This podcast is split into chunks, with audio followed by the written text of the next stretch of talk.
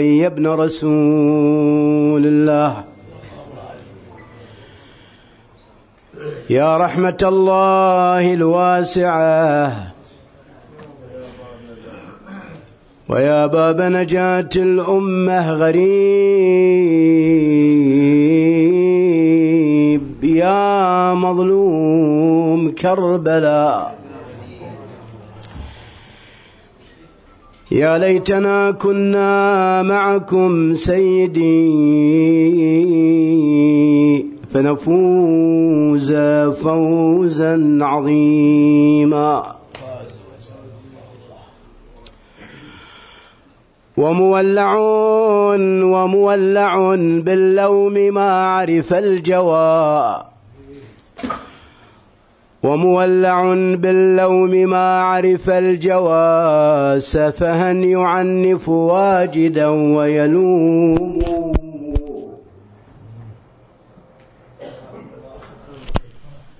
ومولع باللوم ما عرف الجوى صلى على محمد وعلى وسلم على محمد وآله. ثانية وثالثة. اللهم صل وسلم على محمد وآل محمد. اللهم صل وسلم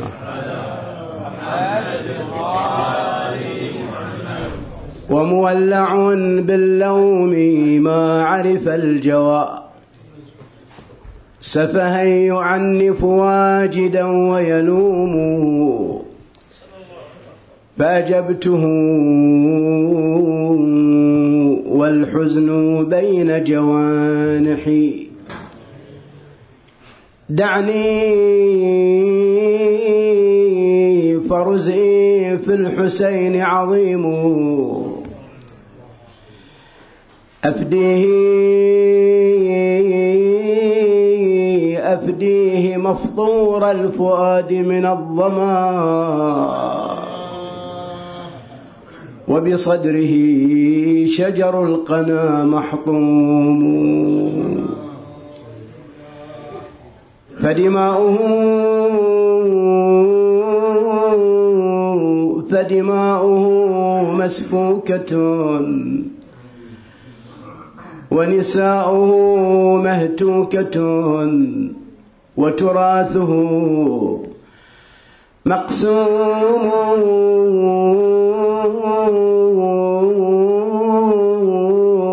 عجبا يرى النيران بابن زعيمها.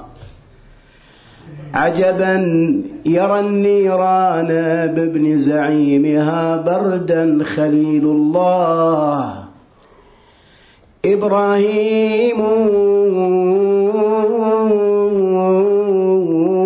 وابن النبي قضى بجمرة غلة. وابن النبي قضى بجمرة غلة. منها يذيب الجامدات. سموم هتك الحريم يا رسول الله. هتك الحريم وأنت أمنع جانبا بحمية فيها تصان. حريم ترتاع من ضرب العدو يتيمة. ويؤن من ألم السياط يتيم. اقعد احكي لك عن هضم ياضي العين. وانظر الحالي وحال سكنة والنساوي. دشابنا الكوفة وفزع الناس صوبين يتفرجون على اليتامى وكلهم أوغاد عاينت مسجد والدي وقصر الإمارة وتذكرت دهر مضى وشاعت أخباره كنا بمعزة وسلطنة وصرنا. يساره هيجي خلق الله الدهر يفعل بالأمجاد. والشام والشام مقدر يا أبو اليم على التفاصيل. عيدوا وإحنا نسير فيها على مهازيل. بحبال قادونا وعلي برجله. زناجيل وهضم الجرع لينا شعل بالقلب وقاد لكنما الأمر لله لا حول ولا قوة إلا بالله العلي العظيم إنا لله وإنا إليه راجعون. وسيعلم الذين ظلموا أي منقلب ينقلبون والعاقبة للمتقين. قال عز من قائل في محكم كتابه بسم الله الرحمن الرحيم ولقد كذبت رسل من قبلك فصبروا على ما كذبوا وأوذوا حتى أتاهم نصرنا. ولا مبدل لكلمات الله. ولقد جاءك من نبأ المرسلين. آمنا بالله. صدق الله العلي العظيم. هذه آية كريمة جاءت في سورة الأنعام. وهي تتحدث عن سنة جارية وحالة متكررة في حياة الأنبياء مع أممهم. فالمتأمل في القرآن الكريم يلحظ هذه الظاهرة المشتركة في حياة الأنبياء بصورة عامة مع أممهم. ألا وهي حالة التكذيب. الأمم عادة ما تسارع لتكذيب الأنبياء فيما يدعون إليه. دائما. إلا ما قل ما أدري هل توجد حالة من الحالات التي لم يعش الأنبياء مع أممهم هذه الظاهرة؟ أعتقد أن أغلب الأنبياء أو جميعهم كذبوا من قبل أممهم. ولهذا فهذه الآية المباركة فيها نوع من التسلية للنبي صلى الله عليه وآله وتذكير له بأنه يشترك مع أسلافه من الأنبياء في هذا القاسم المشترك. ولهذا تقول هذه الآية ولقد كذبت رسل من قبلك فصبروا على ما كذبوا وأوذوا يعني كأنما الأنبياء يعيشون حالتين. حالة عامة ألا وهي الأذية. وحالة خاصة اللي هي جزء من الأذية أيضا وهو التكذيب. وكما نعرف أن التكذيب جزء من الأذى. قد يكون الأذى تكذيب وقد يكون مضايقة وقد يكون أذى جسماني. كما عانه أو عاناه النبي صلى الله عليه وآله. ولهذا فالآية تذكر شيئا خاصا وتذكر بعده عاما. وهذا كما يسمى ذكر العام بعد الخاص. فصبروا على ما كذبوا وأوذوا. فهناك إذا التكذيب وهناك الأذى الذي عاشه الأنبياء. إذا أردنا في الحقيقة أن نذكر سبب هذا التكذيب فلا شك على أن له دواعي متعددة في حياة أولئك الأمم. نذكر منها سببين. ما هو السبب؟ هناك سببان أو حالتان تستدعي أو تملي على أولئك المبعوث إليهم أن يكذبوا ذلك النبي أو يكذبوا ذلك الرسول. السبب الأول أن البعض من أولئك يحملون زعامة يعيشون ترف. ولهذا فالدعوة الإلهية تهدد مصالحهم. طبعا ما بتستمر تلك الزعامة وما يستمر ذلك الاستعلاء على الآخرين بغير وجه حق. ولهذا يسارعون لأنهم يشعرون أن مصالحهم شنه مهددة. يسارعون إلى تكذيب الأنبياء. الظاهرة نلاحظها في القرآن الكريم ويعبر عنها تعبير جدا مهم. يقول سبحانه وتعالى وذرني والمكذبين أولي النعمة ومهلهم قليلا. وذرني والمكذبين أولي النعمة. حقيقة هناك تعبير دقيق جدا في استخدام كلمة نعمة. عادة النعم يعني تكسر النون فيها نعمة.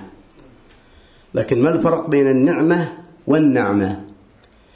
النعمة طبعا هي هذه الخيرات التي تنزل على الإنسان. أموال وهواء طيب أحيانا وفواكه. كل هذه نعم من الله سبحانه وتعالى. أسبغ عليكم نعمه ظاهرة وباطنة.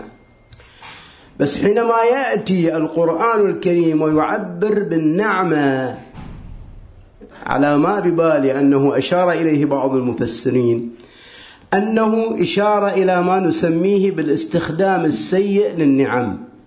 يعني الله سبحانه وتعالى أنعم الإنسان حتى يستخدم استخدام طيب. يسخر نعم الله عز وجل فيما يرضي الله عز وجل. إذا استخدم الإنسان تلك النعم في أشياء لا يرضى بها الله عز وجل. هذا القرآن الكريم في أكثر من آية يعبر عنها نعمة بمعنى ما يتنعم به الإنسان ويستغله استغلالا سيء كما ورد أيضا مرة أخرى في سورة الدخان ونعمة كانوا فيها فاكهين. الظاهر أبو جاسم انتبهوا كل ما بيخلص. صلوا على محمد وآل محمد. وسلم على محمد وآله ثانية وثالثة. اللهم صل. وسلم على محمد وآل محمد. اللهم صل وسلم على محمد. طبعا أعوذ بالله من كلمة أنا. أنا ترى ما أودي المسجد ولا القراية عادة لا تليفون ولا شيء خليه في البيت وأقول قرأته نص ساعة مو مشكلة. شاهد. على كل حال فهذا هو السبب الأول. السبب الأول أن هؤلاء يعيشون الترف ويعيشون الاستعلاء ولهذا يرون في دعوة الأنبياء تهديدا لهم وذرني والمكذبين أولي النعمة ومهلهم قليلا. فهؤلاء يعني يسارعون إلى ماذا؟ يسارعون إلى تكذيب الأنبياء. وكون هناك حادثة جدا لطيفة. نصوغها باختصار كمثال على هؤلاء اللي منعمون ومرفهون ويسارعون إلى تكذيب الأنبياء. يذكر الشيخ ناصر مكارم في تفسير الأمثل وغيره أيضا وذكرها نقلا عن المؤرخين. يقولون أنه في ليلة من الليالي خرج أبو جهل. معروف ها؟ في أثناء الليل وهو يتلصص ويستمع للنبي صلى الله عليه وآله وهو يقرأ ما نزل عليه من القرآن. في أثناء الليل متلثم وقعد يتلصص ويسمع. زين. خلصت المهمة ففضحه الصباح. طلعت الشمس شوي. شاف في طريقه أبو سفيان بعد. ها. مشوا شوي شافوا ثالث اسمه الأخنس بن شريق. ها. شو القصة؟ كل واحد قام يلوم الثاني. أنتم تحذرون الشباب لا تسمعون. إلى هذا يخربكم وأنتم تطلعون تسمعون. قالوا ترى هذا الآن مثل ما نقول صادكم ترى ساهر. ولهذا إيانا وإياكم تعودون مرة ثانية. تلاوم آه خلاص ترى. مرة ثانية لا تكرروها اتفقوا فيما بينهم وتعاهدوا أن لا يعودوا لمثلها. زين. كل واحد ظن إن الثاني بيتقيد بهالعهود. قال أكيد اللي أعطى عهد ما بيطلع مرة ثانية. واحد منهم طلع. مرة ثانية وشاف رفيجة أيضا طلع. لأن تبين كل واحد ظن نفس الشيء. على كل حال بعدين آه، المصدر يقول فتكررت القصة ثلاث مرات. كل مرة يتعاهدون وكل مرة يخالفون ذلك العهد. بعدين لا القسم منهم وهو الحلقة الأضعف الأخنس بن شريق راح حق منه أبي سفيان. وقال له يا أبا حنظلة هذا كنيته. يا أبا حنظلة سمعت ما سمعت من هذا؟ من رسول الله صلى الله عليه وسلم. طبعا ما يقول رسول الله. قال بلى يا أبا ثعلبة. واحد أبو حنظلة واحد أبو ثعلبة. هذا أسمائهم طبعا مو من عندي. قال لها إيش ردة فعله؟ قال والله سمعته ففقهت شيئا ولم أفقه. أشياء أخرى. أنا سمعت أشياء فهمتها وأشياء ما فهمتها. قالوا خلينا نشوف. الثالث راحوا حق منو؟ أبي جهل. هم كله اسم ثاني بعد اسمه أول يلق يكنى بأبي الحكم. قال له يا أبا الحكم ها أنت شردت فعلك؟ قال شوف لقد تنازعنا الشرف مع بني عبد مناف. كذاب وين أنت وين أهم يقول لقد تنازعنا الشرف معهم أطعموا فأطعمنا. و نعم آه، يقول إن مثل ما هم جادوا وإحنا جدنا. أطعموا فأطعمنا وبذلوا وبذلنا. فلما تجاثينا الركب صرنا من عمك طولك. فلما تجاثينا الركب وصرنا كفرسي رهان قالوا بعث منا مبعوث. بس. صلى الله عليه وسلم. على محمد وآل محمد. الله صل وسلم على محمد وآل محمد. الله صل وسلم على محمد. طبعا هذا نصفه إقرار ونصفه إنكار. صحيح. هو قال قالوا مبعوث لكن هو مو مصدق. لكن الإنسان اللي مو مصدق ليش يروح يسمع الكلام خفية؟ هذا دليل على أنه نعم جحدوا بها واستيقنتها أنفسهم. هو عنده يقين في الداخل لكن هذا الجحود شنو؟ إنما هو إنكار واستكبار وتعالي الذي نسميه. فالشاهد أن هؤلاء يقول ما شافوا عندهم بنو عبد مناف إلا يقولون عندنا نبي ما نقدر إحنا نقول. فالشاهد على أن هذا هو التعالي وهذا هو التكبر الذي أشرنا إليه. هذا هو أحد الأسباب أيها المؤمنون. إذا السبب الأول هو ماذا؟ هو التعالي والترف حينما يعبر عن نفسه. هذا السبب الأول في ماذا؟ في تكذيب الأنبياء. واحد. ثاني وبه نختم طبعا المحور من حديثنا. السبب الثاني من أسباب تكذيب الأنبياء هو الجهل. حينما يكون الإنسان جاهل وأي جهل؟ أحيانا يكون الإنسان جاهل يتعلم هذا لا بأس. وأحيانا مثل ما يسمون المناطق جهل مركب. يعني هو جاهل ويجهل أنه جاهل بل يعتقد أنه عالم. وهنا تكمن المشكلة. تكمن المشكلة حينما نعم يصدر الجاهل في جهله ويكون على غير استعداد لقبول دعوة الأنبياء. هنا تكون شنو المسألة؟ مسألة عويصة وتصل بالإنسان إلى أن يكذب. تصل الإنسان إلى أن يكذب دعوة الأنبياء عليهم أفضل الصلاة والسلام. ولهذا نلاحظ أن القرآن الكريم دائما يعني يجرد الإنسان من هذا الشعور أنه هو جاهل ويجهل أنه جاهل. شلون يعالجها؟ يعالجها يخلي الإنسان شوية يتجرد عن عوامل القوة الموهومة التي يشعر بها.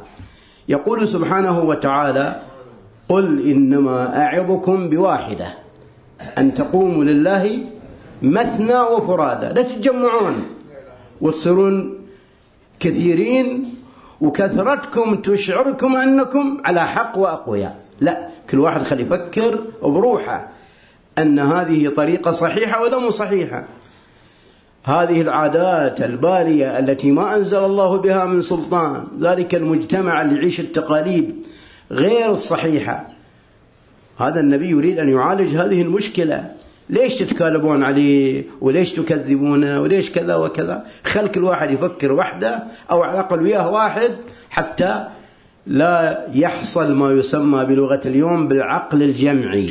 العقل الجمعي يعني هو شعور الإنسان بأنه كثير وأنه على حق. إذا السبب الثاني من أسباب تكذيب الأنبياء شنو؟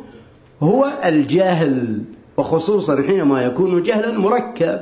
علاج شلون؟ أن الإنسان يتجرد من هذه العوامل نعم ويخضع لمنطق العقل ولمنطق الفطرة. هذا بالنسبة للفقرة الأولى من هذه الآية المباركة. ولقد كذبت رسل من قبلك فصبروا على ما كذبوا وأوذوا حتى أتاهم نصرنا. الله سبحانه وتعالى نعم جزاء لصبرهم. الله سبحانه وتعالى أنزل عليهم ومنحهم النصر حتى أتاهم نصرنا. النصر طبعا على مختلف وجوهه وأشكاله. أكو أحيانا تكون هناك نعم نصرة بالفتوحات الظاهرية وهناك نصرة أحيانا بالبراهين وخضوع الناس لهذا الدين. نصرنا بصورة مطلقة. حتى أتاهم نصرنا ولا مبدل لكلمات الله. هذا طبعا السيد الطباطبائي رحمة الله عليه في تفسير الميزان يعلق على هذه الفقرة ولا مبدل لكلمات الله. يقول بما مضمونه لاحظوا ترى مهم جدا. هذا وعد جميل يشعر الإنسان من خلاله بالقوة التي يمنحه الله إياها. ما معنى ولا مبدل لنص... نعم ولا مبدل لكلمات الله. يقول معناها أن هذا النصر الموعود مما لا تناله يد المحو والإثبات. أكو أشياء الله سبحانه وتعالى يبدل فيه ويغير. عمر الإنسان مثلا إذا تصدق إذا كذا وكذا يطول فيه بالمقابل والعياذ بالله إذا الإنسان يكون نعم قاطع لرحمه ينزل منه. هذه يسمونها المحو والإثبات. يمحو الله ما يشاء ويثبت. نعم. هل النصر الموعود هذا ما يتغير؟ أبدا ما يتغير. الله سبحانه وتعالى وعد عباده النصر لا بد أن يفي لهم بذلك الوعد. ولا مبدل لكلمات الله ولقد جاءك من نبأ المرسلين. هذا في الحقيقة نعم موضوع تضمنته هذه الآية المباركة بهذه المعاني.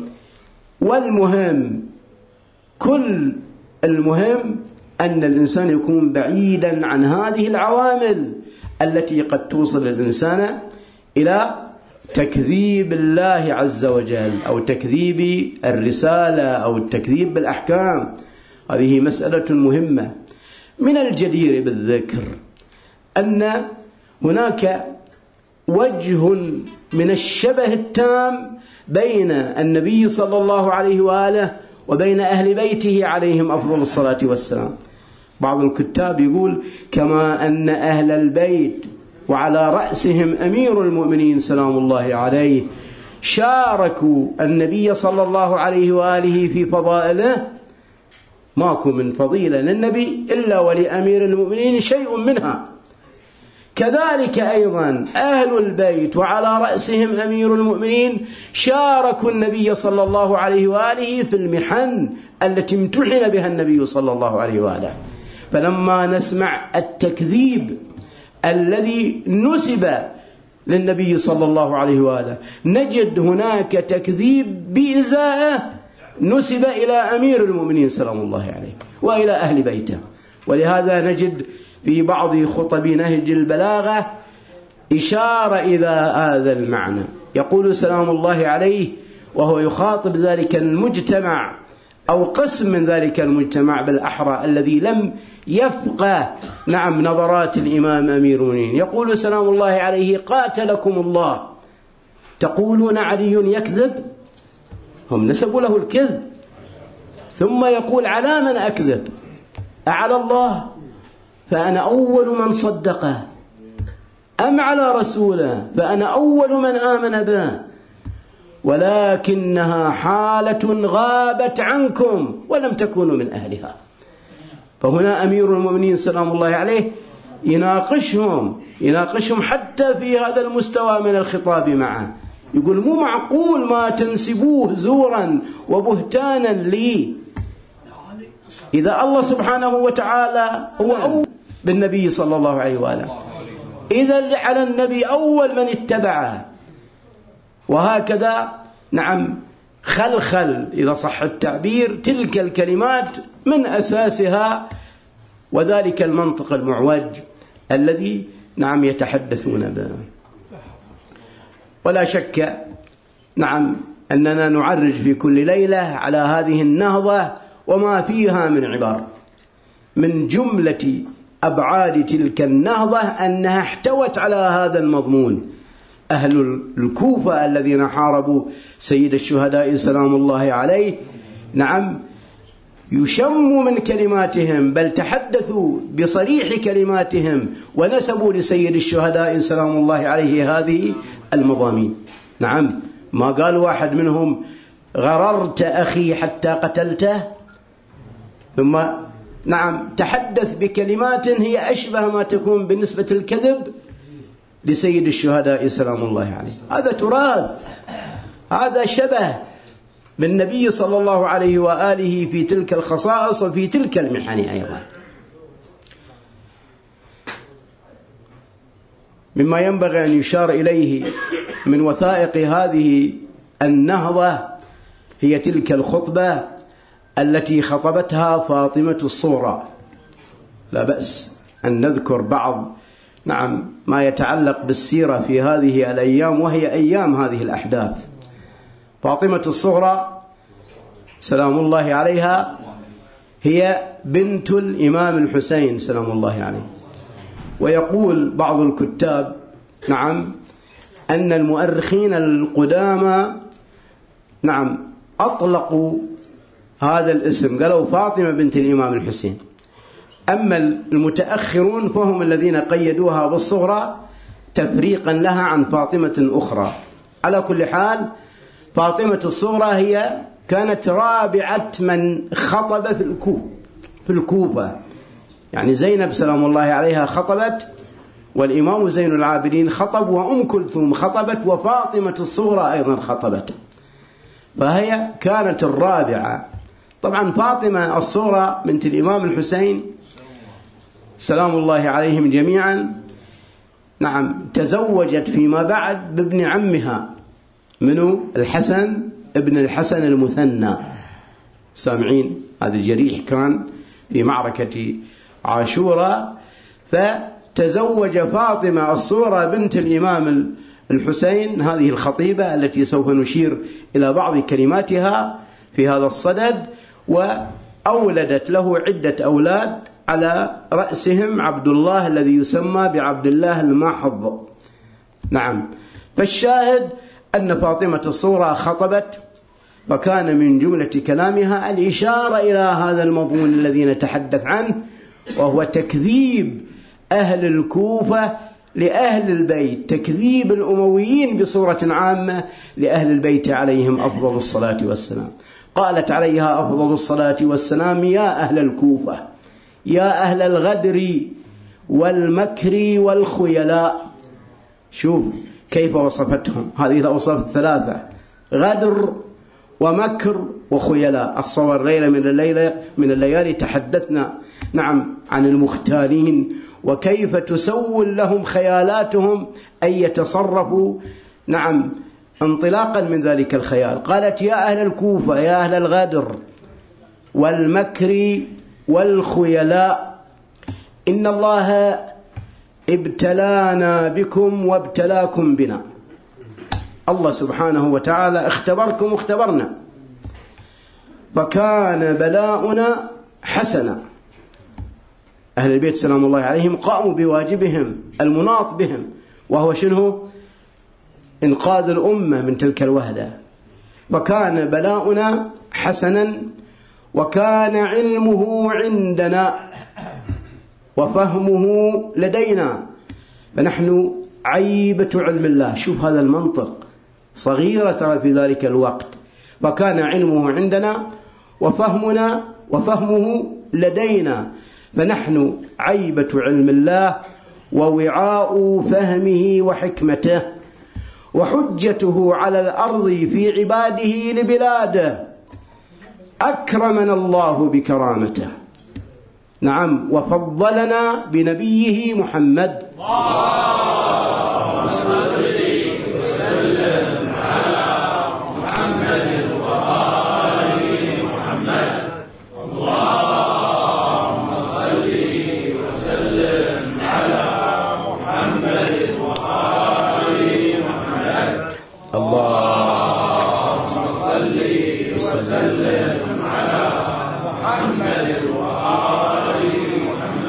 أكرمنا الله بكرامته وفضلنا بنبيه محمد صلى الله عليه وآله على من يشاء من خلقه تفضيلا.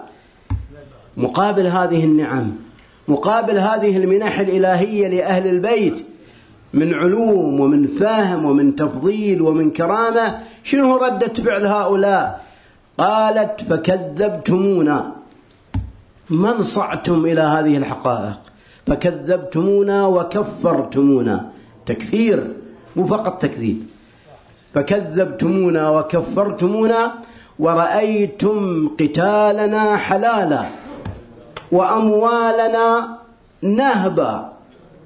إلى أن قالت عليها أفضل الصلاة والسلام ولقد قتلتم جدي بالأمس. مو أول ظاهرة في حياتكم. أمير المؤمنين سلام الله عليه. ولقد قتلتم جدي. نعم بالأمس مكرا منكم والله خير الماكرين. هذا جزء من هذه الخطبة فيها إشارة إلى هذه الظاهرة الموجودة عند هؤلاء. أتصور على أن خطبة نعم السيدة فاطمة الصورة عليها أفضل الصلاة والسلام كانت من أواخر الفعاليات في الكوفة يعني في الأيام الأخيرة وفي الساعات ربما الأخيرة اللي على أثرها جاءت الأوامر بنقل بنات رسول الله صلى الله عليه وآله من الكوفة إلى الشام. وبأي حالة كان هذا النقل؟ وبأي حالة كان هذا الإركاب؟ أركبوهم على تلك النياق الهزة للعجف وجاءوا بتلك الجامعة المشار إليها وقيدوا بها الإمام زين العابدين. على ذلك الحال الشنيع يا زجر ميل براس حسين يا زجر ميل براس حسين روعت العيال. ما تخاف الله فجعتنا وما بقى للحرم حال. تلعب براس الولي فوق الرمح يمنى وشمال. مقدر نضربوا علي تلعب الريح بشيبته. بالأمس شوفت عزيز حسين تجلب لي السرور. لو ركب مهرة وتسلح والوجه يسطع بنور. وجايا ويلي وخوته على مخيمنا يدور. ومن يطب عندي الخيمة شلون حلوة طبته. والسفوق الرمح ويقودون خلف ناقتي. يصد لي بالعين من يسمع عزيزي نخوتي وأنا أهمل دمعتي وغصب علي دمعتي. ليتني تقضت أيامي وما شفت اللي جرى. هذه زينب ومن قبل كانت بفنا دارها تحط الرحال